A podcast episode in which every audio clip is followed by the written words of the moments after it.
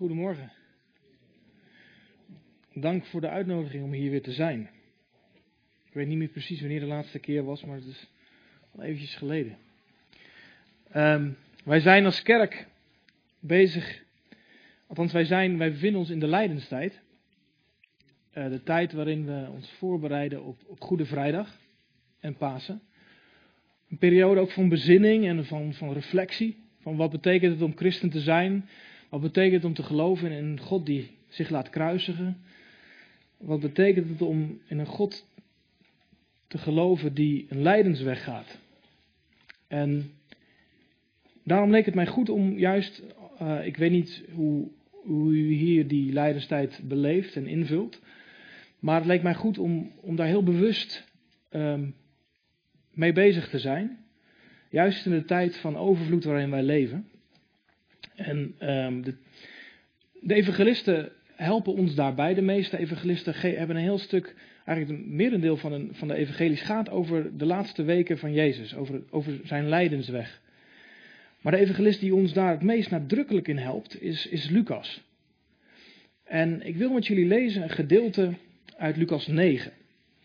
En Lucas, ik ga het zo met jullie lezen, maar Lucas heeft in zijn evangelie een soort harde splitsing, waarin hij ons als lezer heel nadrukkelijk de vraag voorlegt: uh, wil je deze Jezus wel volgen? En bij Lucas is die, zijn die laatste weken echt in letterlijke zin een reisverhaal. En dat begint in Lucas 9 bij vers 51, waar wij zo dadelijk gaan lezen. En hij geeft ons voordat Jezus op weg gaat een aantal mensen die op zijn weg komen, die allemaal mee willen.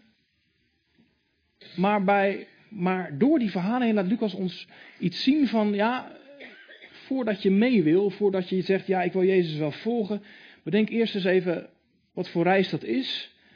En net zoals wij, ik, ik was vorige week nog op vakantie, of de week ervoor. En als je je boel inpakt, dan bedenk je altijd heel goed, wat heb ik nodig? Want je gaat ergens heen, de bestemming bepaalt ongeveer wat je meeneemt, maar ook de reis ernaartoe. Wat heb je onderweg nodig? En het meeste, dat is altijd de kunst, uh, laat je achter.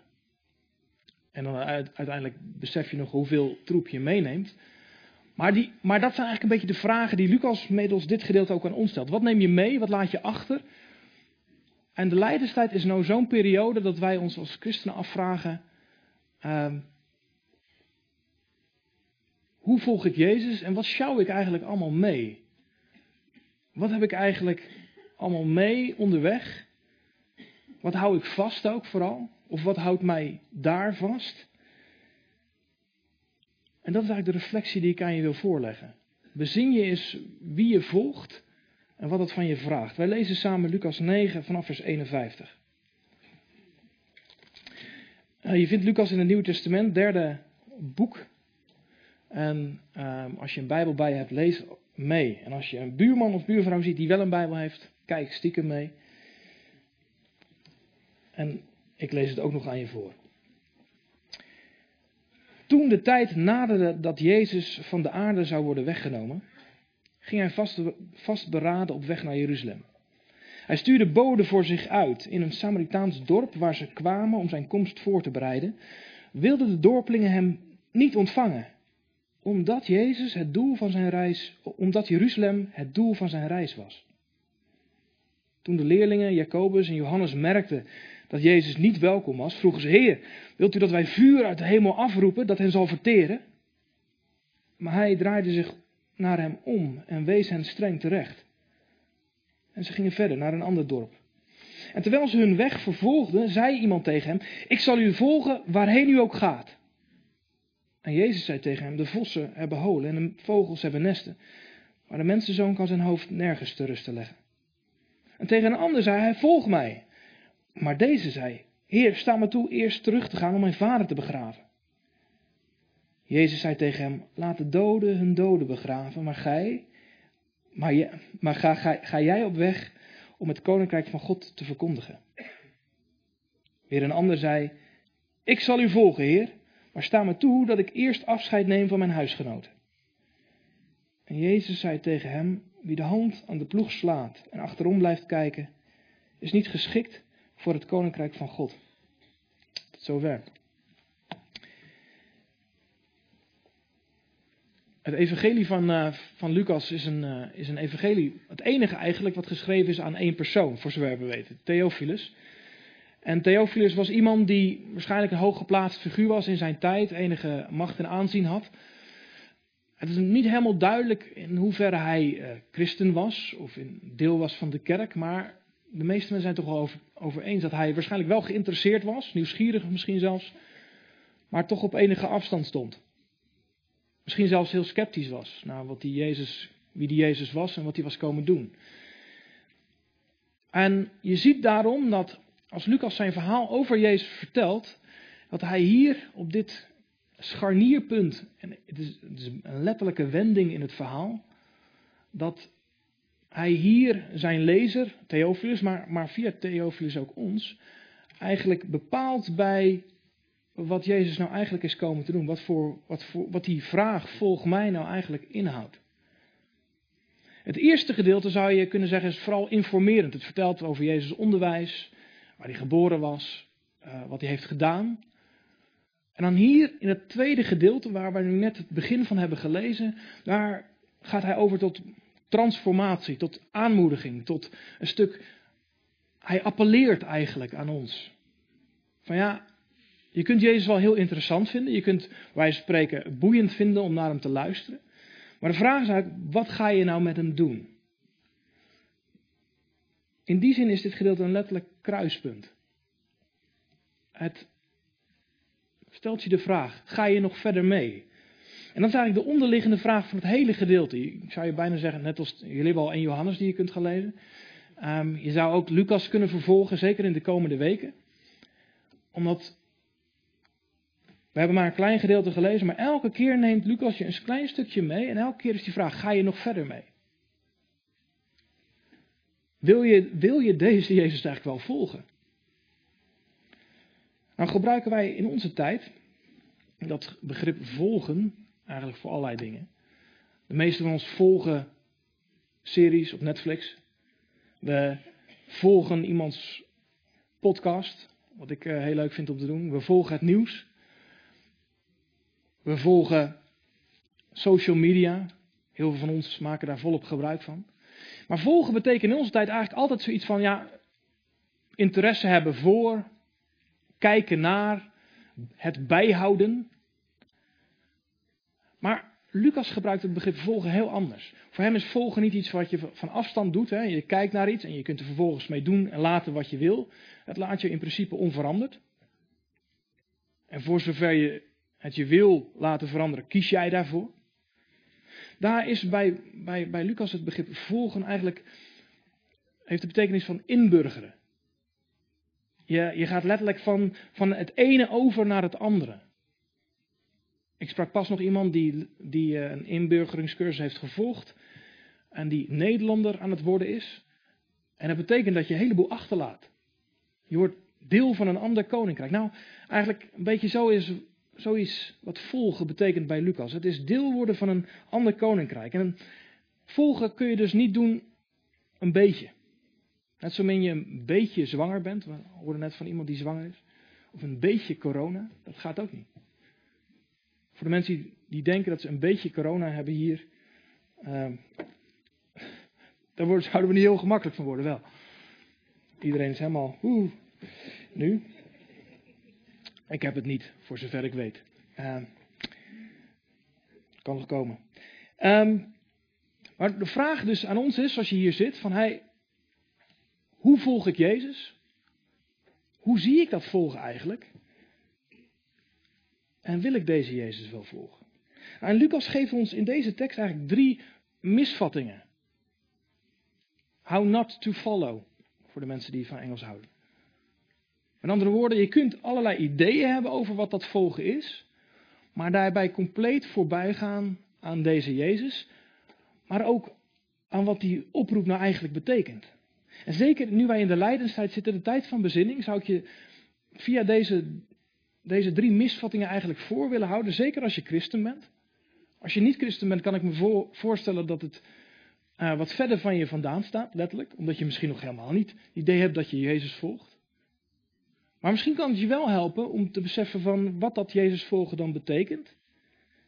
En waartoe je eigenlijk wordt opgeroepen.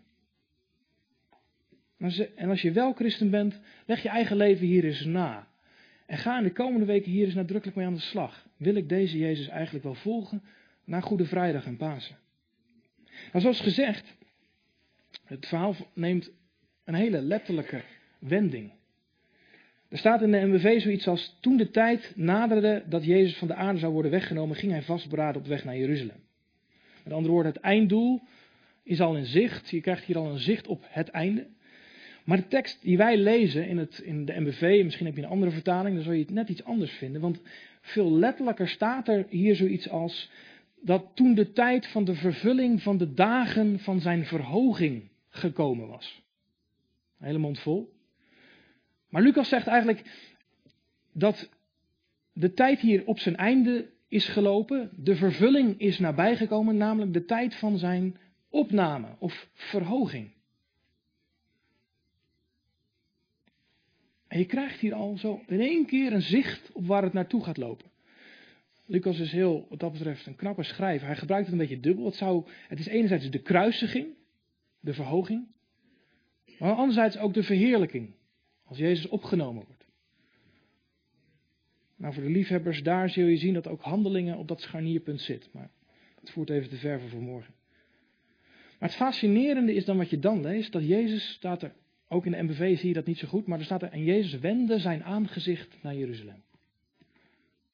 Letterlijkere wending kun je bijna niet voorstellen. Dus Jezus is onderweg en ineens vindt daar een draai in het verhaal plaats en gaat naar Jeruzalem. En de rest van het verhaal zul je continu zien dat Jeruzalem in gedachten wordt gebracht bij de lezer.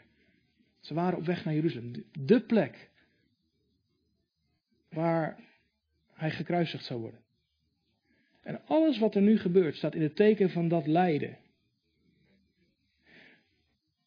Ooit had Dr. Anders P. een lied, dat heette De Dodenrit. Misschien ken je dat wel. Nou, een beetje, dit is de, de sfeer die je moet voorstellen bij het verhaal wat gaat volgen. Dit is niet een overwinningstocht, maar een lijdensweg. En dat leidt ook direct tot een clash met zijn leerlingen. Ze komen dan in dat dorp van Samaritanen die hen niet willen. Waarom? Dan herhaalt Lucas het nog eens. Omdat hij naar Jeruzalem ging. En dan vragen zij gelijk, zullen we er gelijk, zij, zij zitten helemaal in het taalveld van de Oud-testamentische profeten, zoals Elia, die het vuur van de hemel lieten afroepen. Met andere woorden, zij missen, zij missen letterlijk waar het hier over gaat. Zij zitten in de verwachting dat deze Jezus nou eens eventjes de boel recht zou gaan zetten. Met geweld zo nodig. Voorwaarts christenstrijders. Bam! Gaan. Nu is de tijd. Een verwachtingspatroon wat je wel vaker ziet in, in Lucas, maar ook in handelingen nog. Helemaal in handelingen 1 zitten ze nog steeds in die, datzelfde verwachting. Dan vragen ze aan Jezus, is dit de tijd waarin nu Jeruzalem gaat bevrijden? Een tijd van bezetting van, van, door de Romeinen, dat is de achtergrond. Hè? En zij denken, deze Jezus komt dus even de boel opschudden. Deze Jezus gaat eindelijk de bevrijding bieden die wij zoeken. Wij die zo lang zuchten onder het juk. Maar daarmee missen ze dus, met dat verwachtingspatroon, wat Jezus nou eigenlijk aan het doen was. Jezus kwam niet om met geweld Jeruzalem over te nemen, maar hij kwam als iemand die kwam om te, om te lijden. Zoals een Nieuwtestamenticus schreef, oordeel past niet bij deze reis. Past niet bij iemand die kwam om het oordeel te dragen. Volgens mij zie je hier twee dingen. Het eerste is denk ik dat als Jezus komt, dat hij dat nooit doet met het mes op de keel. Het is niet van slikken of stikken. Je kunt Jezus niet onder dwang volgen. Dat gaat niet. Maar voor ons zoals we hier zitten misschien nog belangrijker. Je kunt dus, sterker nog, het komt veel voor dat mensen Jezus volgen met verkeerde verwachtingen van Jezus. Zelfs zijn eigen leerlingen, die mogelijk zelfs jaren met hem onderweg zijn geweest, volgden hem met verkeerde verwachtingen. En gedurende deze reis komen ze dan ook regelmatig van een koude kermis terug. Ze zijn onderweg gegaan en ze hebben allerlei grootse verwachtingen gehad, maar ze hebben helemaal niet doorgehad waar het op uitliep, op Jeruzalem. De plek niet van overwinning, maar van dood. Soms kunnen wij dat ook hebben, dat wij het christelijk geloof gaan afschilderen als een soort grote verwenreis, waar we van zegen tot zegen gaan. Sommige liederen lijken dat ook te suggereren. Soms ook hoe wij naar de kerk kijken. Is de eerste vraag die wij onze kinderen stellen. Was het leuk? Was het leuk? Heb je het naar je zin gehad? Er kwam een paar jaar terug kwam er een groot onderzoek uit onder, onder, uh, onder Amerikaanse tieners. En een van de grote uitkomsten was dat hun godsbeeld, daar hebben ze een hele mooie term voor, moralistic uh, therapeutic deism, voor de googelaars. Maar er kwam uit dit, naar, dit uit naar voren dat over het algemeen tieners het idee hebben dat God een soort grote man op een verre berg is met een grote baard. Die vooral wil dat je ongeveer netjes leven leidt. En jou helpt af en toe op jouw weg naar geluk. Naar geluk. En dan kon je af en toe kon je hem, kon je hem opbellen om jou even te helpen. God als een soort grote wegenwacht onderweg. Die. Ontvangt hier iemand uh, WhatsAppjes. Ik ben het niet. Um, maar God die een soort assistentie is op jouw weg naar geluk. Hoe komt het dat wij zulke verwachtingen hebben van God? God die ons niet op een andere weg plaatst, zoals hier letterlijk gebeurt, maar die ons even helpt op onze weg naar geluk succes en wat dan ook. Volgens mij is de eerste vraag, en die zou ik ook in je midden willen leggen, de eerste vraag die Lucas ons voorhoudt, wat zijn je verwachtingen eigenlijk van Jezus?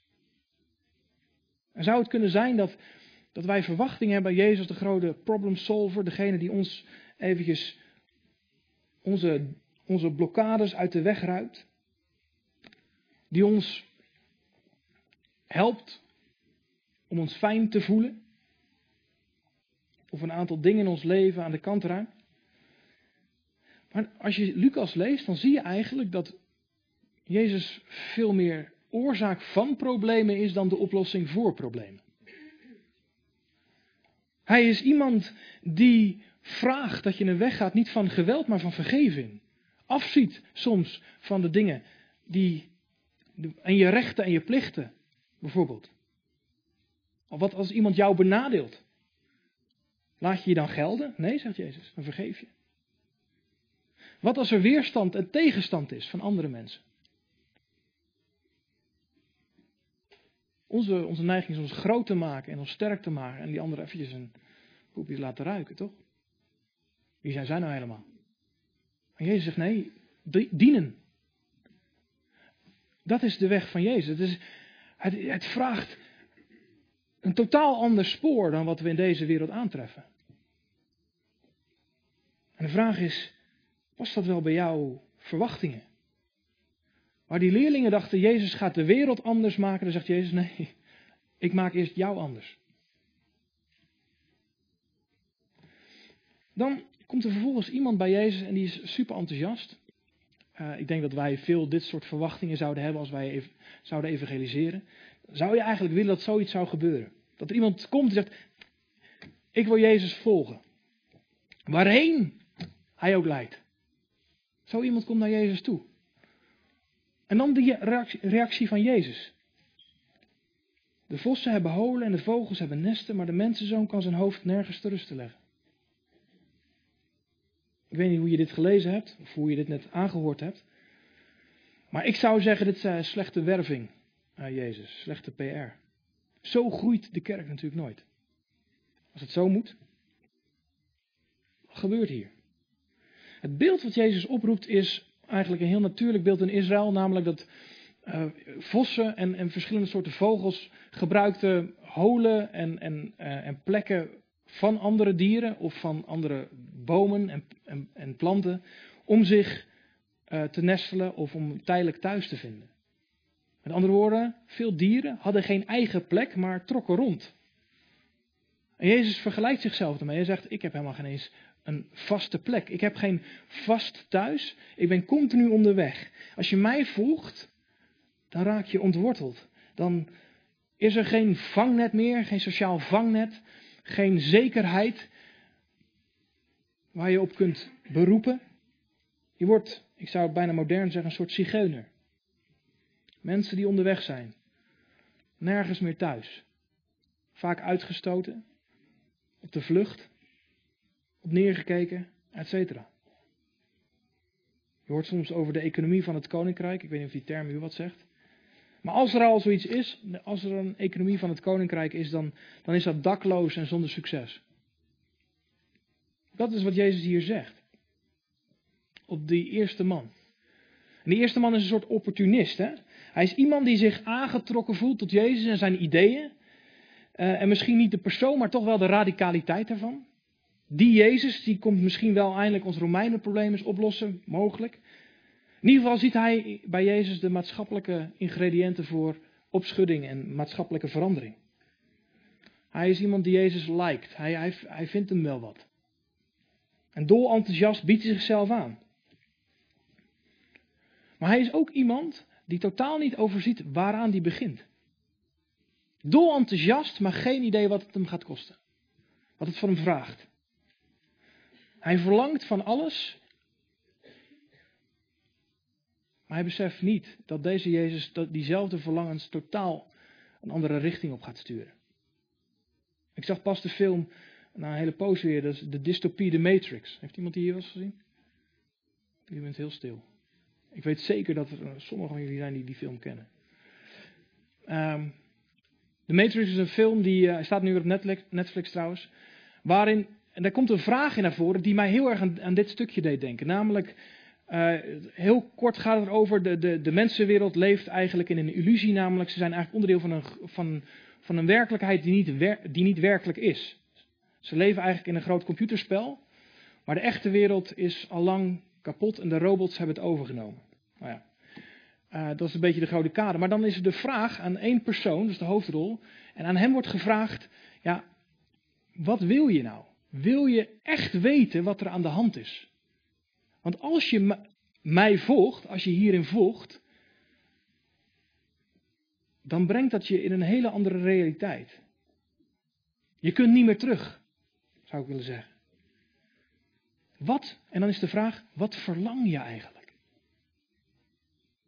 Wat verlang je? En dat is precies hier. Wat verlang je nou eigenlijk als je Jezus volgt?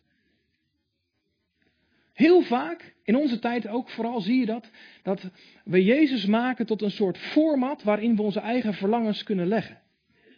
Namelijk een joods-christelijke cultuur. Jezus is een soort format voor een samenleving die enigszins functioneert. Jezus als therapie. Om weer te genezen van alles. Als middel tot rijkdom. We hebben talloze verlangens. En juist die verlangens zijn onze grootste blokkade vandaag de dag om Jezus te volgen. Als ik je een boekje mag aanraden in deze periode, De Slag om het Hart van Herman Paul. Het is, een heel, het is niet heel lang, het is, het is, het is, maar het is denk ik 130 pagina's of zo, dat is goed te doen. Maar hij zegt het grootste probleem van onze tijd, wij, wij gebruiken soms woorden als secularisatie. Een woord wat heel groots klinkt. Maar hij zegt, hoe wij het vaak gebruiken in secularisatie is kerkverlating. Misschien herken je dat? Maar hij zegt, secularisatie is niet dat er minder mensen naar de kerk gaan. Hij zegt, secularisatie is dat wij als mensen steeds meer op het hier en nu gericht zijn. Het seculum in het Latijn. Dus het betekent dat onze, onze betekenishorizon, daar waar wij betekenis, waarde aan verlenen, steeds meer op het hier en nu is gericht. En steeds minder op het grote verhaal van God met mensen. En dus zegt hij, secularisatie is niet daar buiten, maar is hier. Daar waarin wij onze begeertes steeds meer laten bepalen tot wat we hier kunnen krijgen, wat we uit deze wereld kunnen trekken. Wat ons gelukkig maakt, wat ons vervult, wat mij een gevoel geeft dat ik ertoe doe, et cetera. De vraag is, niet alleen onze verwachting, maar ook onze verlangens. Wat willen we eigenlijk van Jezus? En Jezus zegt eigenlijk, ik ben er niet om jouw leven een beetje glans te geven. Om jouw wereld te verbeteren. Ik maak je onderdeel van een ander koninkrijk met andere standaarden, met andere verlangens die daarbij horen. Je kunt niet langer op afstand blijven, je kunt niet je eigen agenda houden.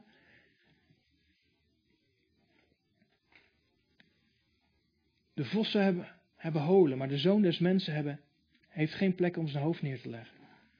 Als je Jezus volgt met, de, met het idee om er beter van te worden, zit je mis. Hij is geen opstapje naar een beter leven. En dat is dan ook de tweede vraag. Misschien kan ik nog duidelijker zeggen. De komende tijd, wat verlang je van Jezus? En hoeverre mag Hij jouw verlangens bijsturen?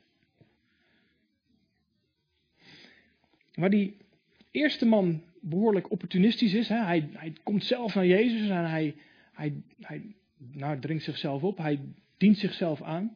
Dan zie je dat die volgende twee heel anders zijn. Ze zijn ook totaal minder spontaan. Jezus roept hen. Maar in plaats van ja, hebben ze hun reserves. Het zijn gereserveerde mensen.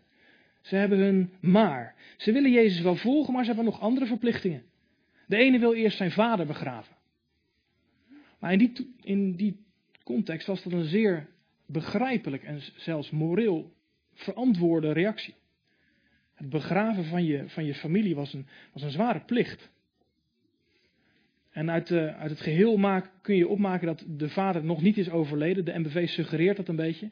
Maar waarschijnlijk was zijn vader nog niet overleden, maar misschien oud of, of misschien zelfs ziek.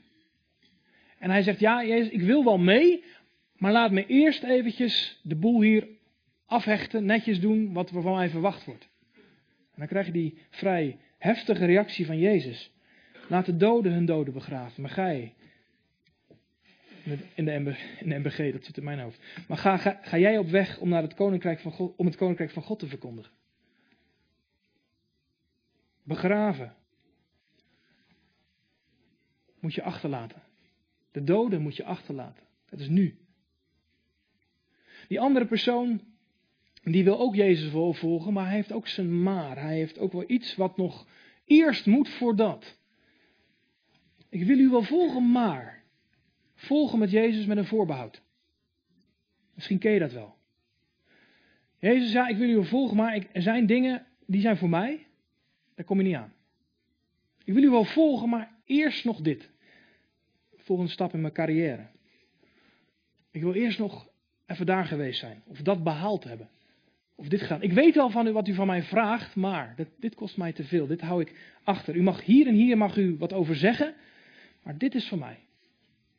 Er werd net door iemand gezegd, Jezus is Heer. En dat is precies waar dit over gaat. Namelijk, wat, wie volg je nou eigenlijk na?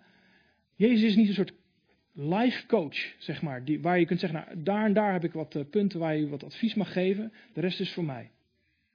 Jezus Heer. Met andere woorden, als je Hem volgt, dan is dat met alles.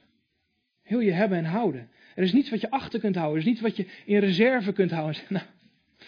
Nou, dat is voor mij. Alle mitsen en maren die ons hier in het leven vasthouden. En alles wat we inbrengen. En Jezus is dan heel scherp. Hij zegt, wie de hand aan de ploeg slaat en achterom blijft kijken, is niet geschikt voor het koninkrijk van God. Jezus schept hier, eh, schetst hier een beeld van een boer die, die uh, dat zul je hier in de omgeving ook nog wel hebben, denk ik, die voren trekt, dus in het land, um, in de aarde, en uh, dan achterom gaat zitten kijken. Ik weet niet uh, of u zich dat kan voorstellen, maar als je achterom kijkt en je moet iets rechts maken, dan, dan, dan zul je zien dat je na verloop van de tijd of in een rondje bezig bent, of in ieder geval heel scheef je, je lijn trekt. Met andere woorden zegt, zegt Jezus, als je mij volgt, maar eigenlijk een soort heimwee hebt naar iets wat achter jou is, iets wat jou trekt,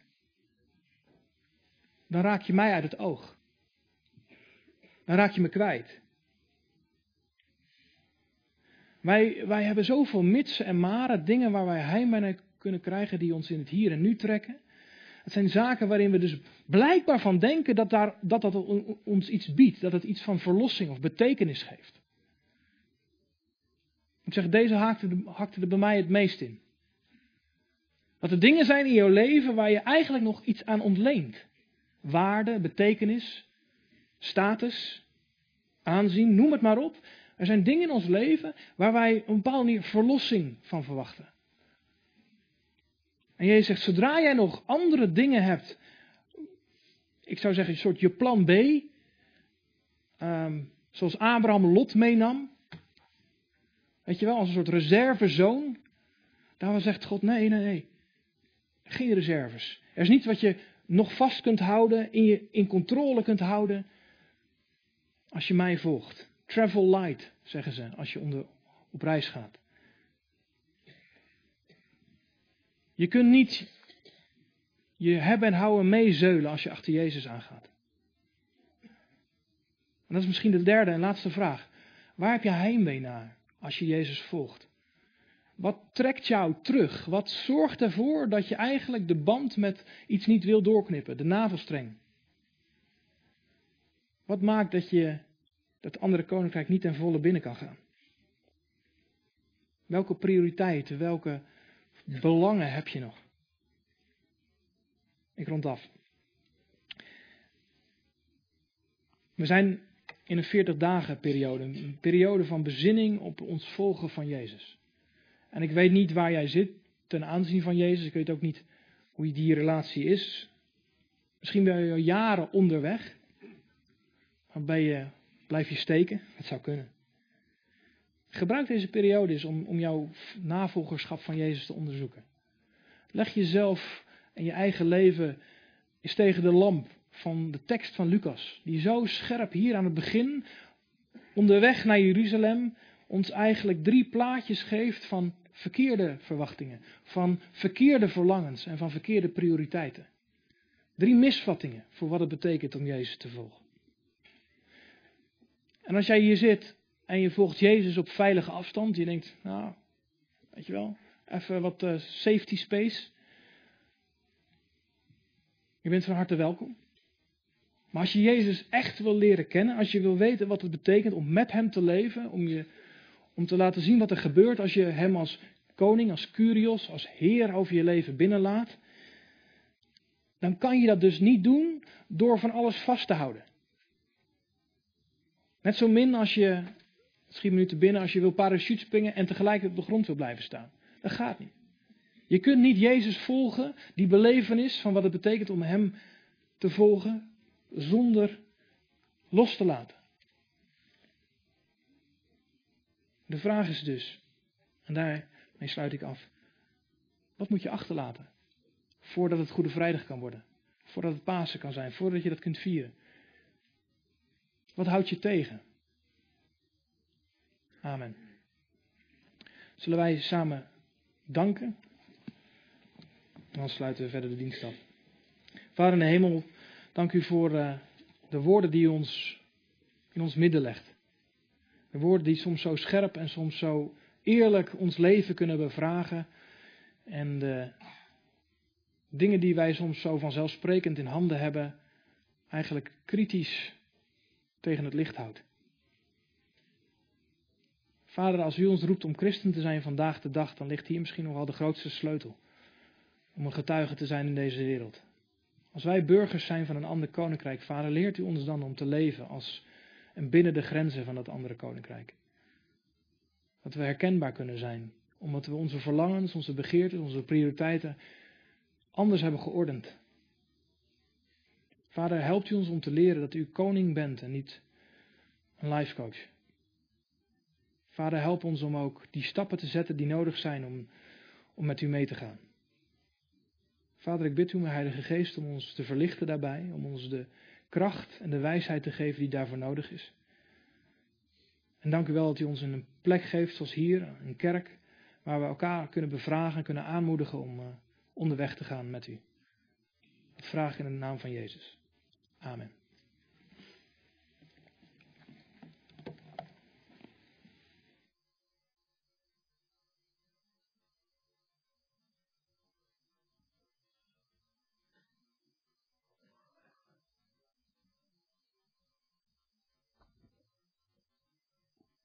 Dankjewel. Uh, hoop om over na te denken. We zingen nog één loflied uh, met elkaar. Dat is, uh, laat het feest zijn in de huizen. Zullen we dat staande doen?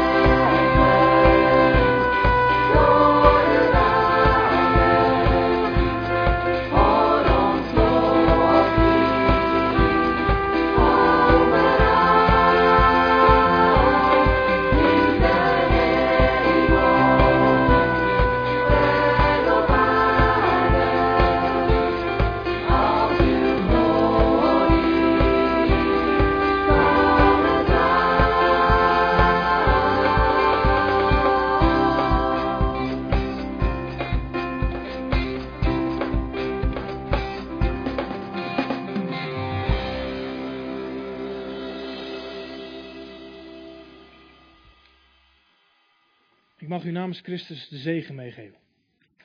De Heer zegent u en hij beschermt u. Hij doet het licht van zijn gezicht over u schijnen en hij geeft u zijn genade. De Heer kijkt naar u om, waar u gaat, waar u woont, wie u ontmoet, en geeft u daar zijn vrede. Om vrede te zijn en vrede uit te delen. Amen. Goeie zondag.